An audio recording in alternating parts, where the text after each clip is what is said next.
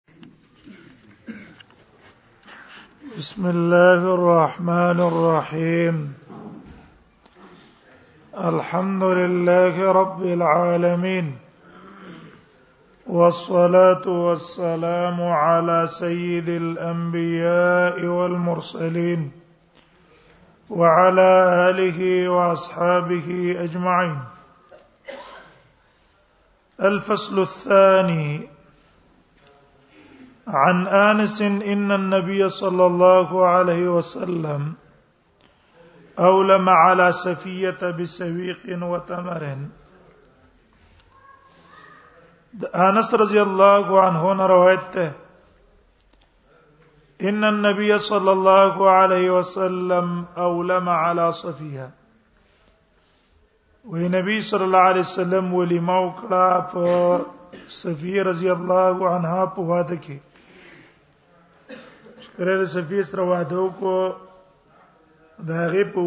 واده کې ولیمه کې ورکړه به سویق و تمر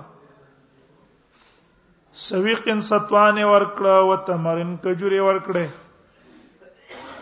مخکې روایت کې تیر شو حلوا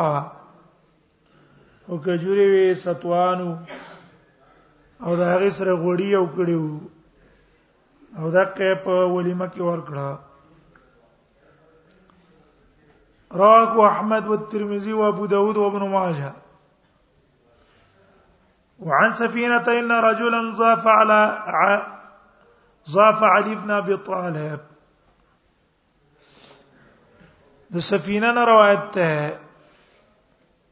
دا د ام سلمې غلام و آزاد کړو سفینه د لقب ده ان رجلا زافا و یو سړی ملمشو علی ابن ابي طالب د علي ابن ابي طالب من علی ابن ابي طالب کدا سړی مل مراغه او علی ابن ابي طالب ول دعوت تیار کو ضافا علی ابن ابي طالب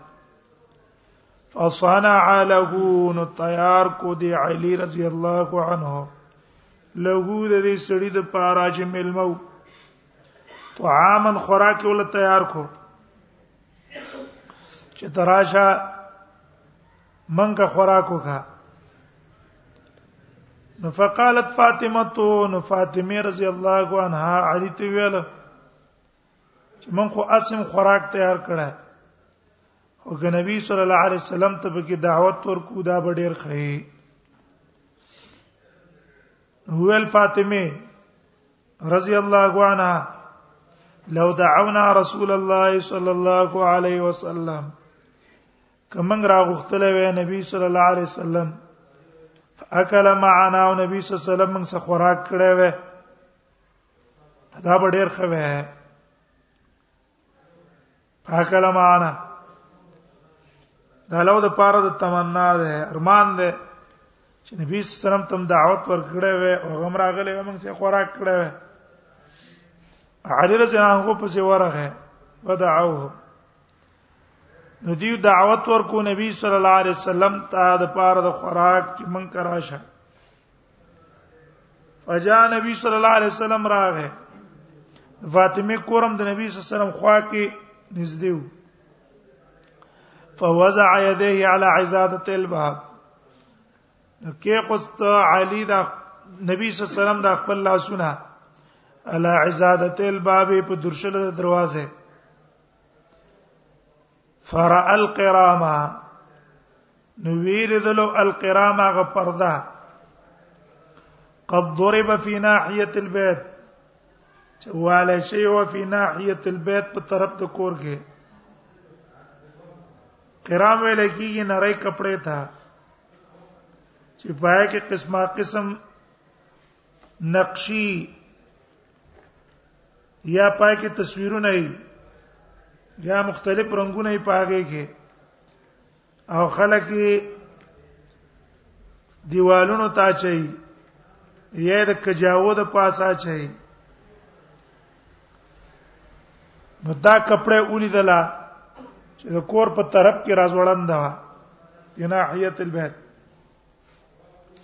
فرجع عنه نبی صلی الله علیه وسلم استدق زنه واپس شو قالت فاطمه تو فاطمه وای رضی الله عنها فتبعته ز نبی صلی الله علیه وسلم پس ورلم فقلت ما تل اذ الله نبی ما ردك سشي ته واپس کړې ولې رانلې قال وی فرمایل انه ليس لي ندی مناسب زما د پاره او لنبي یاد سی ویلا چې ندی مناسب د پیغمبر د پاره ان يدخل بيتا مزوقا چې دی ورننه وځي یو کور ته مزوقا چې هغه مزین او منقش حدیث د باب سره مناسبت ده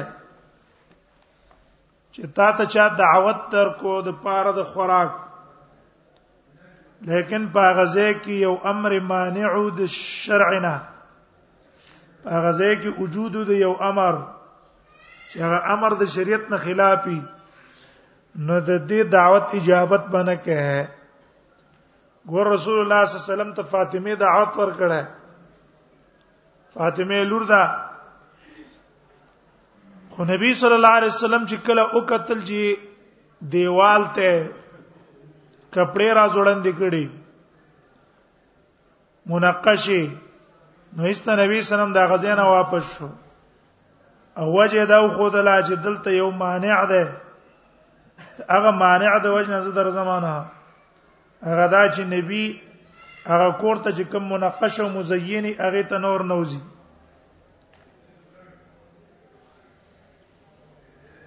بدل ته یو مسله ده هغه دا چې دیوال ته پردې چول څنګه دي نو یو پرده د دربار دروازې ته چول بار دروازې ته ته پردا چې په دې نیت باندې جیرا چرته دروازه کولاو پاتې نشي او دنه د کور عورت ښکار نشي دا پرده خو بار دروازو ته چول پکار دي یا ستا کوټه کې دروازه ده او کوټه ته دروازې ته یا کڼکې دا هغه ته پردې چې دې د پاره چې د بار نه منګه ښکارونه نو دا پردې چول جایز دي یا مثلا اخنی خلک دروازو ته بار نه پردې را جوړندای د دې د پاره چې را د یخه هوا دن نه ناراضي او کوټه چې کومه ګرمه ده چې دا یخیږي نه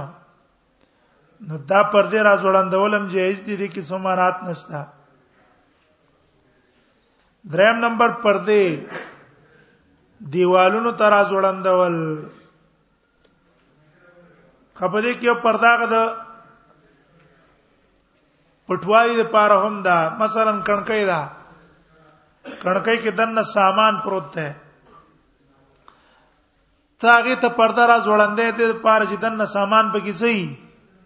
پټي دوړي پنه لګي یا مثلا کپڑے د چولې دي او دا غي کپړو د پاسه کپړه را ځوړند کې ډېر پار چې د عامي دوړي پنه لګي دا قسم پرده جائز دا دلیل په حدیث د عائشه ده چې نبی صلی الله علیه وسلم تبوک نه راغله او دا هغه هغه وا کڼکې وا تاخچه واغه تاخچه باندې پرده ځوړند کړي وا وې هوا رااله فکشف سترا ان بنات الله عائشه ګورغه ستر را ځوړند هغه جایز ده د دې ضرورتون نه بغیر اصل دیوال ته کپڑے اچولې د پاره د نقش و نگار او د زینت د پاره نو آیا دا کپڑے چول څه حکم لري په دې کې یو قول دی د جمهور جمهور قول کړه د جواز وجائز ده او احادیث د نهي او صراحتا راغلي نه دي دویم قول د شوافیعو ده د جمهور شوافیعو هغه وی دا پردې چول دا مکروه دي او په شوافیعو کې شیخ نصر الدین المقدسی ده شیخ نصر الدین المقدسی هغه قول د حرمت کړه دی چې دا پردې راز وړاندول حرام دي استدلال نیولې ده د حرمت لپاره صراحتا په حدیث د عائشه رضی الله عنها عائشه رضی الله عنها روایت ته امام مسلم راوړل وی نبی صلی الله علیه وسلم د یو غزان راغی ویزه او تورلان دي شوما وای ما او تو ویل چې حمدونه دی الله لپاره چې ته واپس را وستلې او روغ را وسته وی نبی صلی الله علیه وسلم سره خبرې ونه کړلې تر دې چې د نبی صلی الله علیه وسلم په مخ کې مې غوسه ولیدله او مخامخ یو پرده را ځوړنده و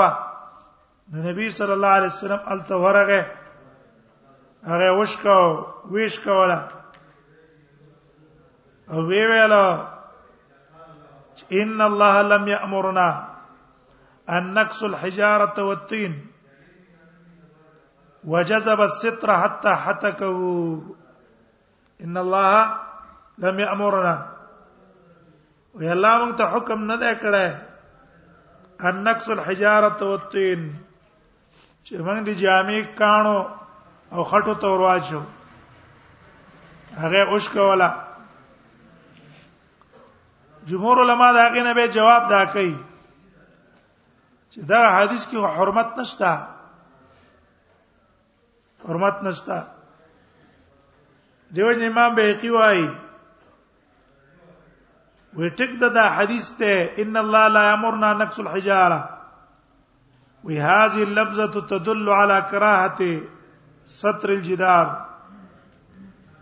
ودا دلالت کوي په کراهت د پردې چولو دیوال ته وان کان فی بعض الفاظ الحديث اگر که په دې روایت ته مسلم په بعضو الفاظو کې هغه څه شه ده هغه دا ده چې ان المنع کان بسبب السوره نبی سم چې غوسه شوه ده او دا پردیش کوله ده نو د دې د وجنه چې په دې پرده کې اصل کې تصویر وو تصویرونه شکولې باقي د دې د وجنه نه دي شکولې چې کنه دیوال ته تا کپڑا چولې حرمت د تصویر د وجنه ده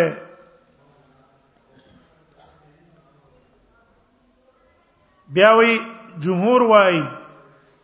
امام بیقی بیا وای چې وقال غیره ليس فی السیاق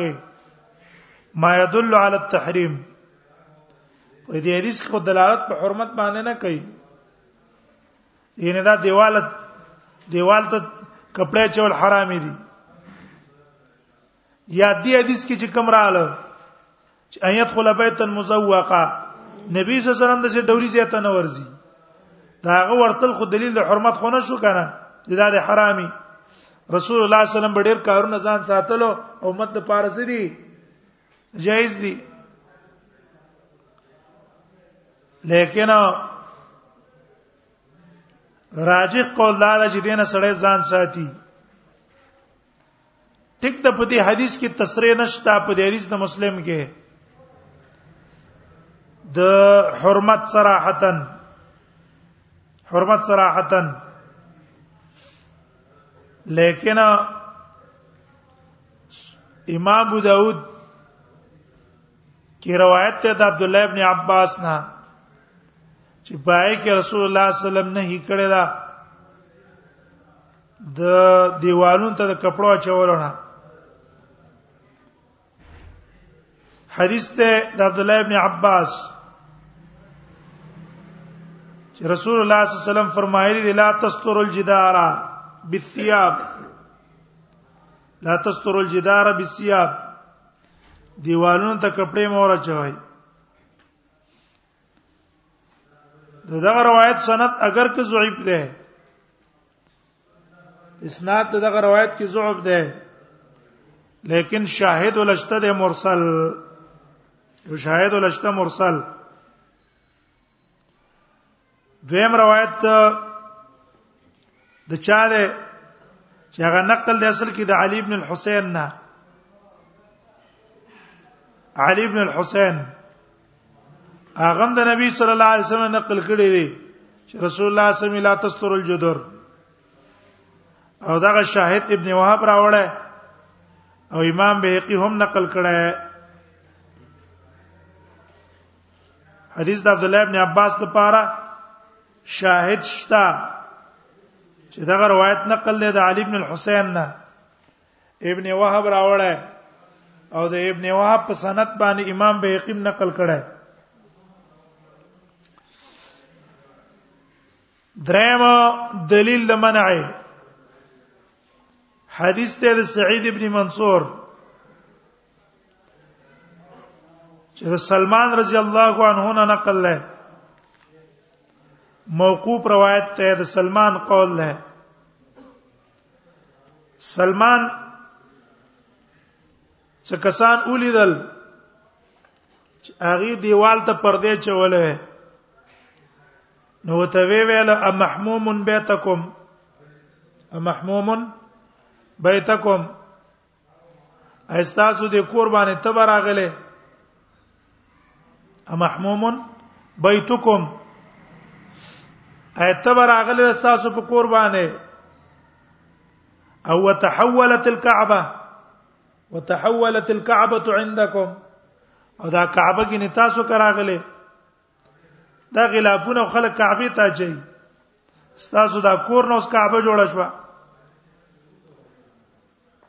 بی ویلا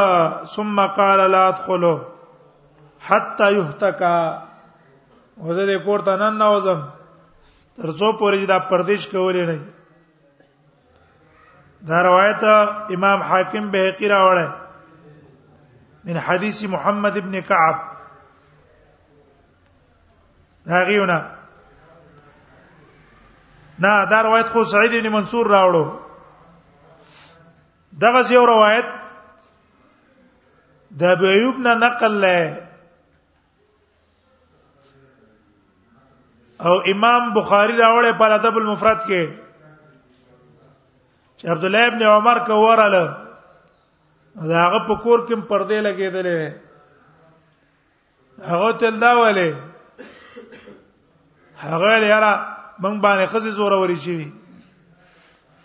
وې ګوره ک په نور چا خزه زوره وري کېدل زمون په ګمانو او په تا خو زمون دا ګمان نه و چې په تا به خزه زوره وري شي دارنګ امام حاکم او امام بهقي روایت راوړل دی د محمد ابن کعب هغه روایت نقل کړی د عبد الله ابن یزید الختمینا وې د یو کور ولیدلو کور چې پاغه باندې پردې را ځوړندې وې صدا صحابي کې ناستلو فقعد فبكى وې کې ناستو وی جړل او به یو حدیث ذکر کړو د نبی صلی الله علیه وسلم وی رسول الله صلی الله علیه وسلم ته فرمایلیو کیف بكم اذا سترتم بيوتکم ستاسو حال وسنګي چې کلم کورون ته پردې راز وړاندې کړه او اصل د دې روایت په نسائی کې ده د دې احادیث باندې شوافی استدلال کړه چې پردې راز وړاندول دا دیوالون ته نه دی پکار به ضرورت به کپڑے دیوال ته ناراض وړاندې او کوم علما چې قول کړی دی نو هغه دا روایتونه صریح په حرمت کې نه دي صریح په حرمت کې نه دي ها باب د حدیث نه بس دا معلوم شو فرع القرام قد ضرب في ناحيه البيت چې په یو ځای کې تا ته دعوت شوه ده او پاغه دعوت په ځای کې وجودي د مانع شرعي نتبع التنا ورزه ورزه وعن عبد الله ابن عمر قال قال رسول الله صلى الله عليه وسلم عبد الله ابن عمر رضی الله عنه روایت ده وی رسول الله صلی الله علیه وسلم فرمایلی دي من دعی فلم یجب چاته چې دعوت ورکړې شو فلم یجب او اجابت یې ونکړو فقد عصى الله ورسولها دنا پرمانی وکړه د الله او د رسول دا دلیل ده د هغه علماو د پاره چې هغه وی اجابت د دعوت فرض ده او واجب ده ومن دخل على غیر دعوه او څو چې نه وتلو په غیر د دعوت نه تا ته چا دعوت نه درکړې او په غیر د دعوت نه یوځی ته ورلې خوراک دی وکړو دخل سارقا نو دیننه وتلو غلا دا د شو بی اجازه چې تن نوځي دا د شوی لکه په پټن نه وته لیکنه لکه غل چې په پټن نوځي او خرج مغیرا او وته له مغیرا لټ کوونکې لټي وکړو اغاره مهرزان چې خوراکو کو کنه یا یک ځان څه پورته کړه نو دا د شو لکه غصب او لوټه غرض دا ده چې نبی صلی الله علیه وسلم امت ته اخلاق خي چې ګوره به دعوت د چا زی لمو ورځي چې په دې خېټه دي ځان مړ کړه ده یته د خوراک زوینه او دعوت ماوت ته ګورې نو بس ته ورځي ادا باندې کې به دا حدیث سندن کمزور دی دیو جنو قصه مشهور ده دیو دو مليانو او دعوت تلاړ په دې کې دقه سي یو تو پیلیم د دیو سره مرګ راشي نو چې کله دعوت کې کېناست پر روټي باندې استدا تو پیلیم د خواته کېناست په دې کې دا یو مولا د دې بل مولا نه تپوس کوي د پاره د تعریض په دې تو فعلی باندې ورته بي اجازه را نه وتله اوس بیا موږ څه کې ناشته دا غنه ته پوس کې دا یو د بل نه وې غادیس د عبد الله ابن عمر په بار د دعوت کې څنګه ده عبد الله ابن عمر روایت په بار د دعوت کې چراغله هغه څنګه ده یبل مولانا ته پوس کوي دې تو پیلی تو ویلا چې هغه روایت سندن کمزور دی صحیح روایت بخاری ده طعام الواحد يكفي الاثنين وطعام الاثنين يكفي الثلاثه هغه روایت د بخاری صحیح ده د عبد الله ابن عمر روایت کمزور ده نه دا روایت سندن کمزور دی ځکه په دې کې ابان ابن طارق دی ابان ابن طارق امام ابو داود وایي دا مجهول له دیوژن ابن عدی وایي هاذا حدیث منکر لا يعرف الا به دا حدیث منکر ده صرف د ابان ابن طارق سند معلوم ده دویم په دې کې درست ابن زیاد ده درست ابن زیاد او درست ابن زیاد چې هغه ضعیف ده هغه ضعیف ده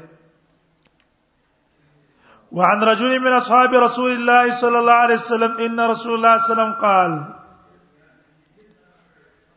د یو سړي د اصحابو د نبی صلی الله علیه وسلم روایت ده او جهالت د صحابي ګوره مزر نه ده ځکه صحابه په اتفاق د علما او عادلان دي به تعدیل الله او رسوله د صحابه تعدیل چا کړی دی الله دا غي تعدیل رسول الله صلی الله علیه وسلم کړی دا الله او پر رسول په توثیق باندې دا پوره دی دی وجنه د جرح په کتابونو کې به چرته اونګ غوري چې د صحابي مبارک ویلي ثقه فلان نه دون ابو له صحبه او له صحبه صحبت اشته یا نشته نور توثیق موثیق نه پیش کړي صحابه دې ته ضرورت نه لري ځکه توثیق یې چا کړه الله یې کړه محمد رسول الله والذین معه وشتا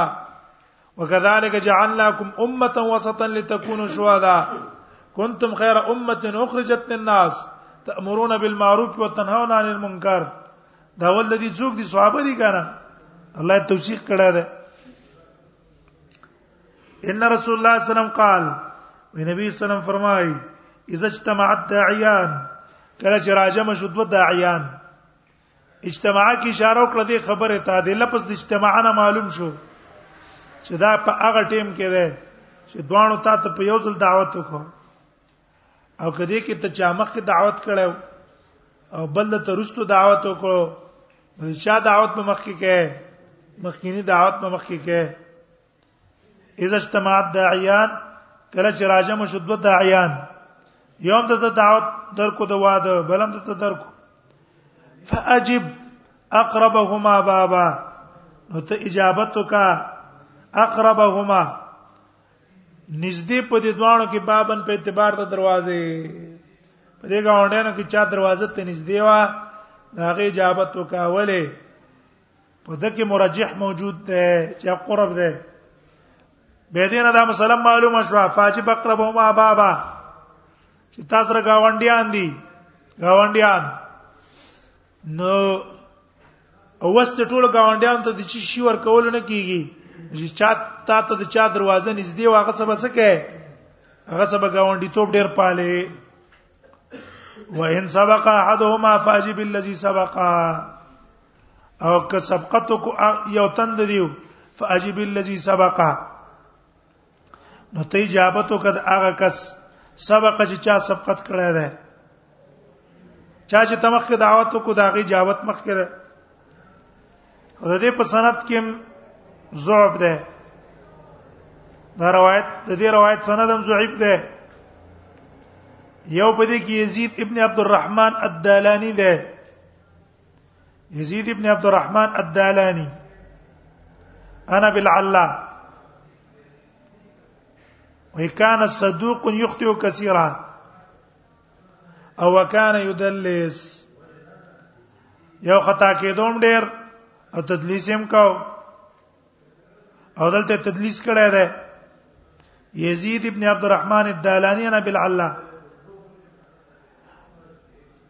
لیکن معنا د حدیث سیدا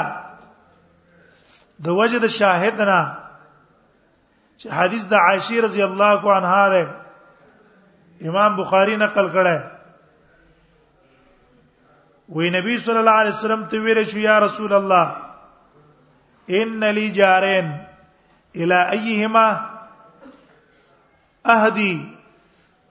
و زما دوه گاونډیان دي وس مې نشته چې هر یو گاونډي ته څه شی ولېګم نو په دې دوانو کې زه کم یو تن ته هدیه ورکم نبی صلی الله علیه وسلم تو فرمایله قال الى اقربهما من كبابا هغه چاته چې تا ته دروازه نږدې هغه حدیث د دې لپاره شاهد شو کنه چې ګوره گاونډي توپ باغ ته نږدې کې مخکې کې به په نسبت هغه چا چې دروازه ده نه لري دغه څه په دعوت کې بم چې څوک تا ته نږدې دی په مخکې کې په نسبت ده لري وعن ابن مسعود قال قال رسول الله صلى الله عليه وسلم عبد الله بن مسعود نے روایت ہے رسول الله صلی الله علیه وسلم فرمایي طعام طعام اول یوم حق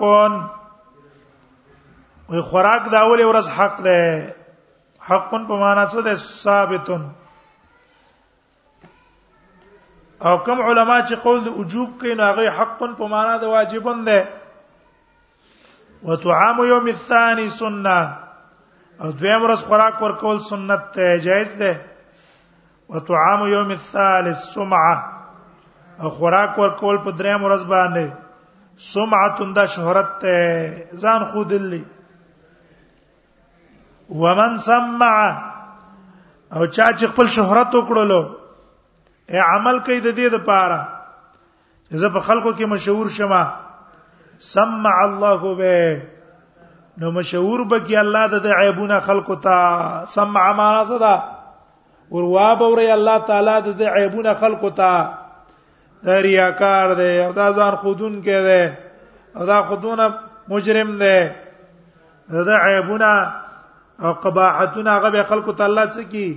او را کار کی چې څوک د ریاکارۍ د پاره کار کوي ان سمع غرض د حدیث دا ده چې ګوره ته څو ورځې پورې روټي ورکول شي په واده نو وې دوه ورځې پورې ورکول شي دوه ورځې پورې اول ورځ باندې ته دعوت ورکې دا صحیح ده په دویم ورځ ته دعوت ورکې ملمنو ته هم صحیح ده او په دریم ورځ باندې ته دعوت نشي ورکولای په دریم ورځ باندې دعوت ورکول دا څه شه ده دا ریاکاری دا ریاکاری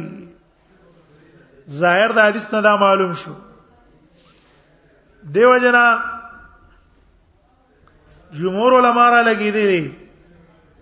او په ظاهر د حدیث باندې قول کړه چې د ولیمې د پاره څو ورځې جایز دي وې د ولیمو د پاره صرف دوه ورځې جایز دي دعوت او د دوه ورځې نه رستو دعوت ورکول به جایز نه دي هغه ناروا ده دې پويږي بعضې کسان ډېر غټ مالدار دي هغه وادي واده کې یو ورځم ډوډۍ ورکې بلې مور کې بلې مور کې بلې مور کې دا ته څو پورې ورکولای شي دوه ورځې پورې دوه ورځې نه زیات نه شي ورکولای د وجه دې حدیث نه دویم قول د امام مالک دی او دا د امام بخاری رایم ده امام مالک او امام بخاری رحم الله وای چې ایت سورځ د دعوت د ولیمې د پاره متعین نه دي دوه ورځې ورکه درې څلور پنځه شپږ و اته نه حالت څو ورځې چې ورکه ولا ورکه او یار چې دا حدیث ته طعام اول یوم حق وطعام یوم الثاني سنه وطعام یوم الثالث سمعه وې دا روایت چې د سندن کمزور ده سندن کمزور ده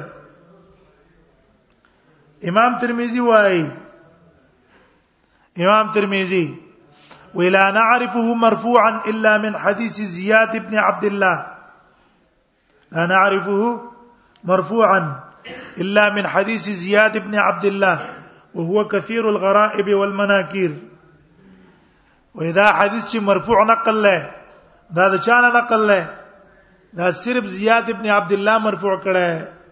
بل چا مرفوع کړه نه ده ټول موقوف کړه په ابن مسعود چې موقوف شو په ابن مسعود نو قول د ابن مسعود شو کنه نو هغه موقوف ده او صرف زیاد ابن عبد الله مرفوع کړه او هو کثیر الغرائب والمناکیر بیا وی وسمعت محمد ابن اسماعیل وسمعت محمد ابن اسماعیل یذکر عن محمد ابن عقبه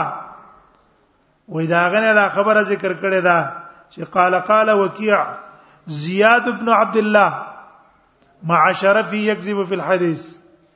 وزياد ابن عبد الله سره د شرافت نه خو شریف سره او سره د شرافت نه پاتیسو کې څه ویل دروغ به ویل چې دا روایت کمزور شو یا نور روایتونه راغلي دي هغه کمزوري دي نو لہذا حرمت ثابتي کی په صحت د حدیث چې حدیث صحیح نشلو نو مسله په څه باندې پاتې شو په عموم باندې کنه هر ورځ دعوت کولای شي لیکن حافظ ابن حجر رحم الله فتح الباری کې را لګیدل د دې حدیث د پاره شواهد او مویدین ذکر کړي چې دا روایت د مختلفو صحابو نه نقل ده اگر که په دې روایتونو کې کلام شتا لیکن یقوی بعض و بعضا یو بل تقویت ور کوي نو د دې تقویت د وجنا دا مسله ثابت شوه چې د دوه ورځو نه زیات دعوت په ولیمه کې جایز نه ده اول ورځ یې مور کولای شي دویم ورځ یې مور کولای شي په دریم ورځ باندې دعوت بیا د ریاکاری ده ومن سمع سمع الله به بردا معلوم شو دعوتونه په نت ریاکاری مکوا چې د خلکو ته څه کې خلکو ته ځان خې دا مکوا ومن سمع سمع الله به ډیر کسان د قصیو کی څوک دعوت والا هم نه تعالی کارټونه درکې دا شل کارټونه راواله ته خپل دوستانو ته وایې لکه زه ته ونه اوسګار ښکارم زه خپل زړه د پاسه دعوت ته درځم او زه اوس لا شل کسان ته نور ویم چې پلان کې دعوت ده او غزما په دعوت چې څوک راځي چې پلانکی دعوت له بوزم هم څه سړی الګ ستا دعوت یو غزه بدر شمه ستا ستا دعوت ته زه بدر شم دغه خلاصې مې نه نشته او ستا انډیوال له ستا پانډیواله کې ځل تلاړ شم دون اوقات ته لګوم دا په شهرت کې داخله ده دا دعوت ملګو پیسې ډېرې څه ضرورت ده چانه د خلاصې نه هغه ته دعوت ور کراوي غواړه باغی خوراک وکا دا کمی پیسې چې بچت شوي پیسې زیاتې کیږي نه د پیسو د پر ډېر زین دي د پیسو د پاره ډېر زین دي ډېر کارونه د پیسو نه پاتې دي دعوت د پیسو نه پاتې ده خو اعلی دعوت نن چلیږي خو پیسې غواړي پیسې نشته خه طریقې باندې jihad د پیسو نه پاتې ده په اخلاص باندې چلیدل د فسادونه چې راغلي خو د پیسو پیدا کړی کنه د پیسو د وجه نه دا پیسې بچت کسي ځای کې ولګا نو دعوت به د سمعت او د شهرت په بنا باندې نه کې په اخلاص باندې کول بکار دی روایت ترمذی نو د درې ورځو نه دا قول د جمهور راجح ده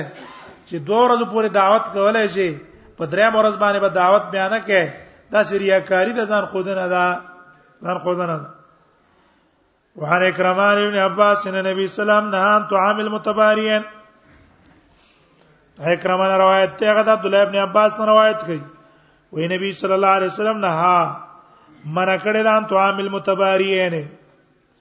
د خوراک د متبارینو نه متبارع چاته وي المتفاخر متباریان چاته ویل کیږي نهایي والے معنا کړی دا المتعارضان بفضلهما چې یو بل سره مقابله کوي په خپل فضیلت دیر پاره چې خلکو ته وروخی خپل مکان او مرتبه ايهما يغلب صاحبه چې کم یو تن په خپل صاحب باندې غالبېږي نو د متبارینو د دعوت نشریت منع کړي ما وعده کو زوی مې خوانچه ور کومه څور کومه خوانچه ور کومه چې د خلکو ته پته ولګي چې را د پرنګ دعوت چا ورنکو ابل چې وکړه چې ته په خوانچه کې ارڅ ور کړی دی پلانکې شي په کې پاتې ده راشه زه دنه خوانچه خبر کما چې خلکو ته پته ولګي چې لکه پلانکی دا غنا خداوت کو دا دعوتونه باندې خوري انت عامل متبارین الله دې موږ سره د معافی معاملو کی د عافیت او د معافی معاملو نه کی کنه سره ډېر سخته مسله ده اخلاص والا ډېر کم دي متبارین نن سبا سي دي سخت زیات دي نیک اعمالو کې زموږ تباری راغلی دا نیک اعمالو کې څه راغلی نیک اعمال کې زموږ ریاکاری ده عبادتو کې ریاکاری دعوت کې ریاکاری په نور شینو کې ریاکاری په نفقه او خرچه کې ریاکاری اخلاص والا ډېر کم کسان دي چې را په اخلاص باندې انفاق کوي د الله د رضا لپاره المتبارين ان يوكل ولې کم ځای کې جنوم کیږي الته 50000 شپې ته زره لګي او چې کم ځای کې نوم نه کیږي او خپ جنت ته یقیني او ته پته راځي را سړی جنت ته ځي کما دل لس روپۍ ورکړې کنه لس روپۍ او یا مثال لور کې په دې سل جنت ته زما خونو می پینې کې دا سل تل نه ورکړي اکثر انسانانو دا مزاج دی کنه المتباریه طعام المتبارین شریعت منع کړي ان یو کله چې هغه دی خړلې شي رواه ابو داود حالدار شریعت وای عمل چې کې بده سي طریقې وکا خلاص باندې ورک الله تعالی مشمال او چپ لاس تم پتهونه لګي ما تنفق یمینا چې خلاص شي خرج کړو او چا د پاره چې کې داغه نه پټکیږي نه الله سورۃ النساء کې پر یاکار رد کړه ده کنه ده کړه نو پسې وایي چې ان الله لا یظلم مثقال ذره وان تک حسنه یضاعف دا ولی ویل د دې لپاره ریاکار ته ریاکار استا به غرض دی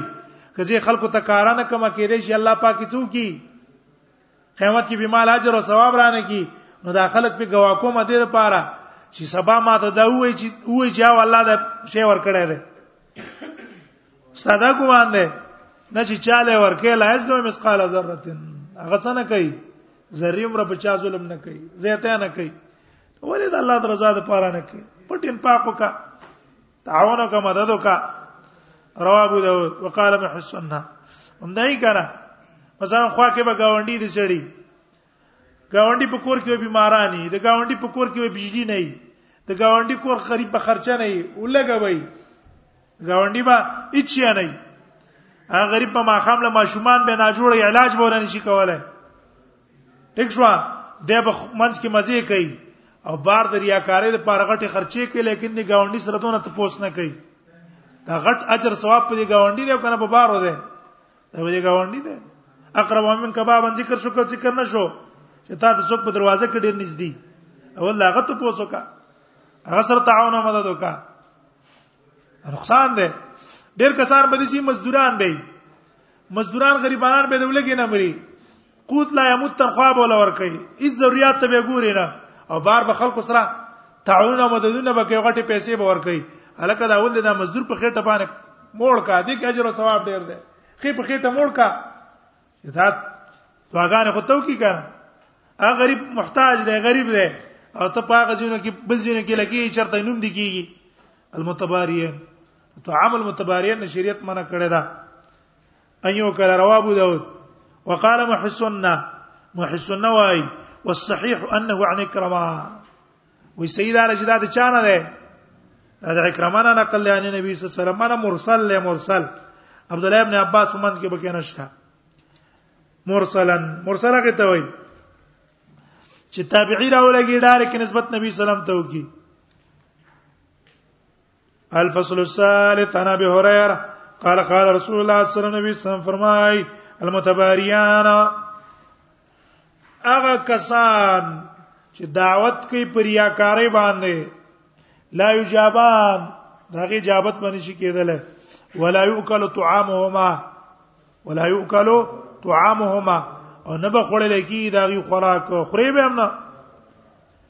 امام احمد معنا کړی دا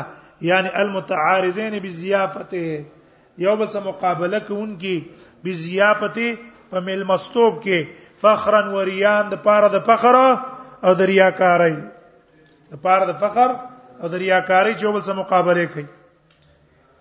عن عمران بن حسين قال نهى رسول الله صلى الله عليه وسلم جابت طعام الفاسقين عمران بن حسين نے روایت ته وی رسول الله صلی الله علیه وسلم منع کړي ان اجابت طعام الفاسقين د اجابت د طعام د فاسقانو نه یو فاسق دی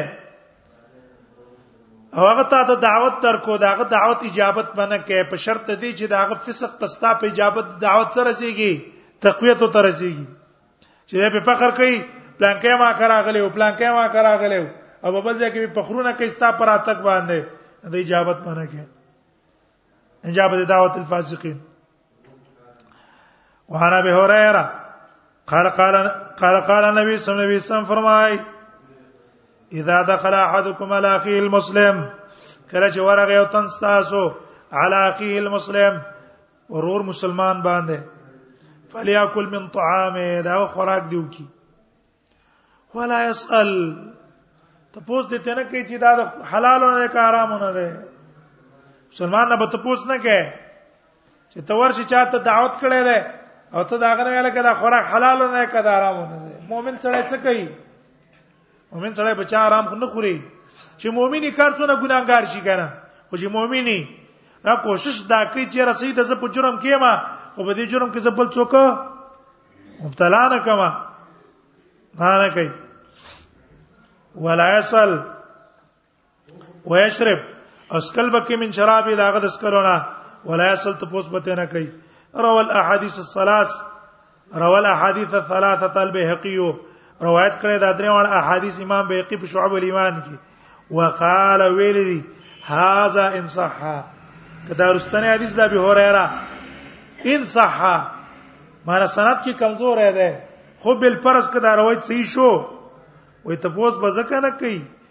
فلان الظاهره وظاهره خبره ده ده چې ان المسلمه مسلمان چې ده لا يطعمه نور کې د په خوراک کې ولا يسقي او نسکی په د باندې الا ما هو حلال عنده مگر هغه شی چې د پنيس حلالي اے مسلمان چې بل مسلمان خوراک کې د چیز نه کوي حلال نه کوي حرام نه به خوراک نه کوي نو ځکه به ته پوس نه کوي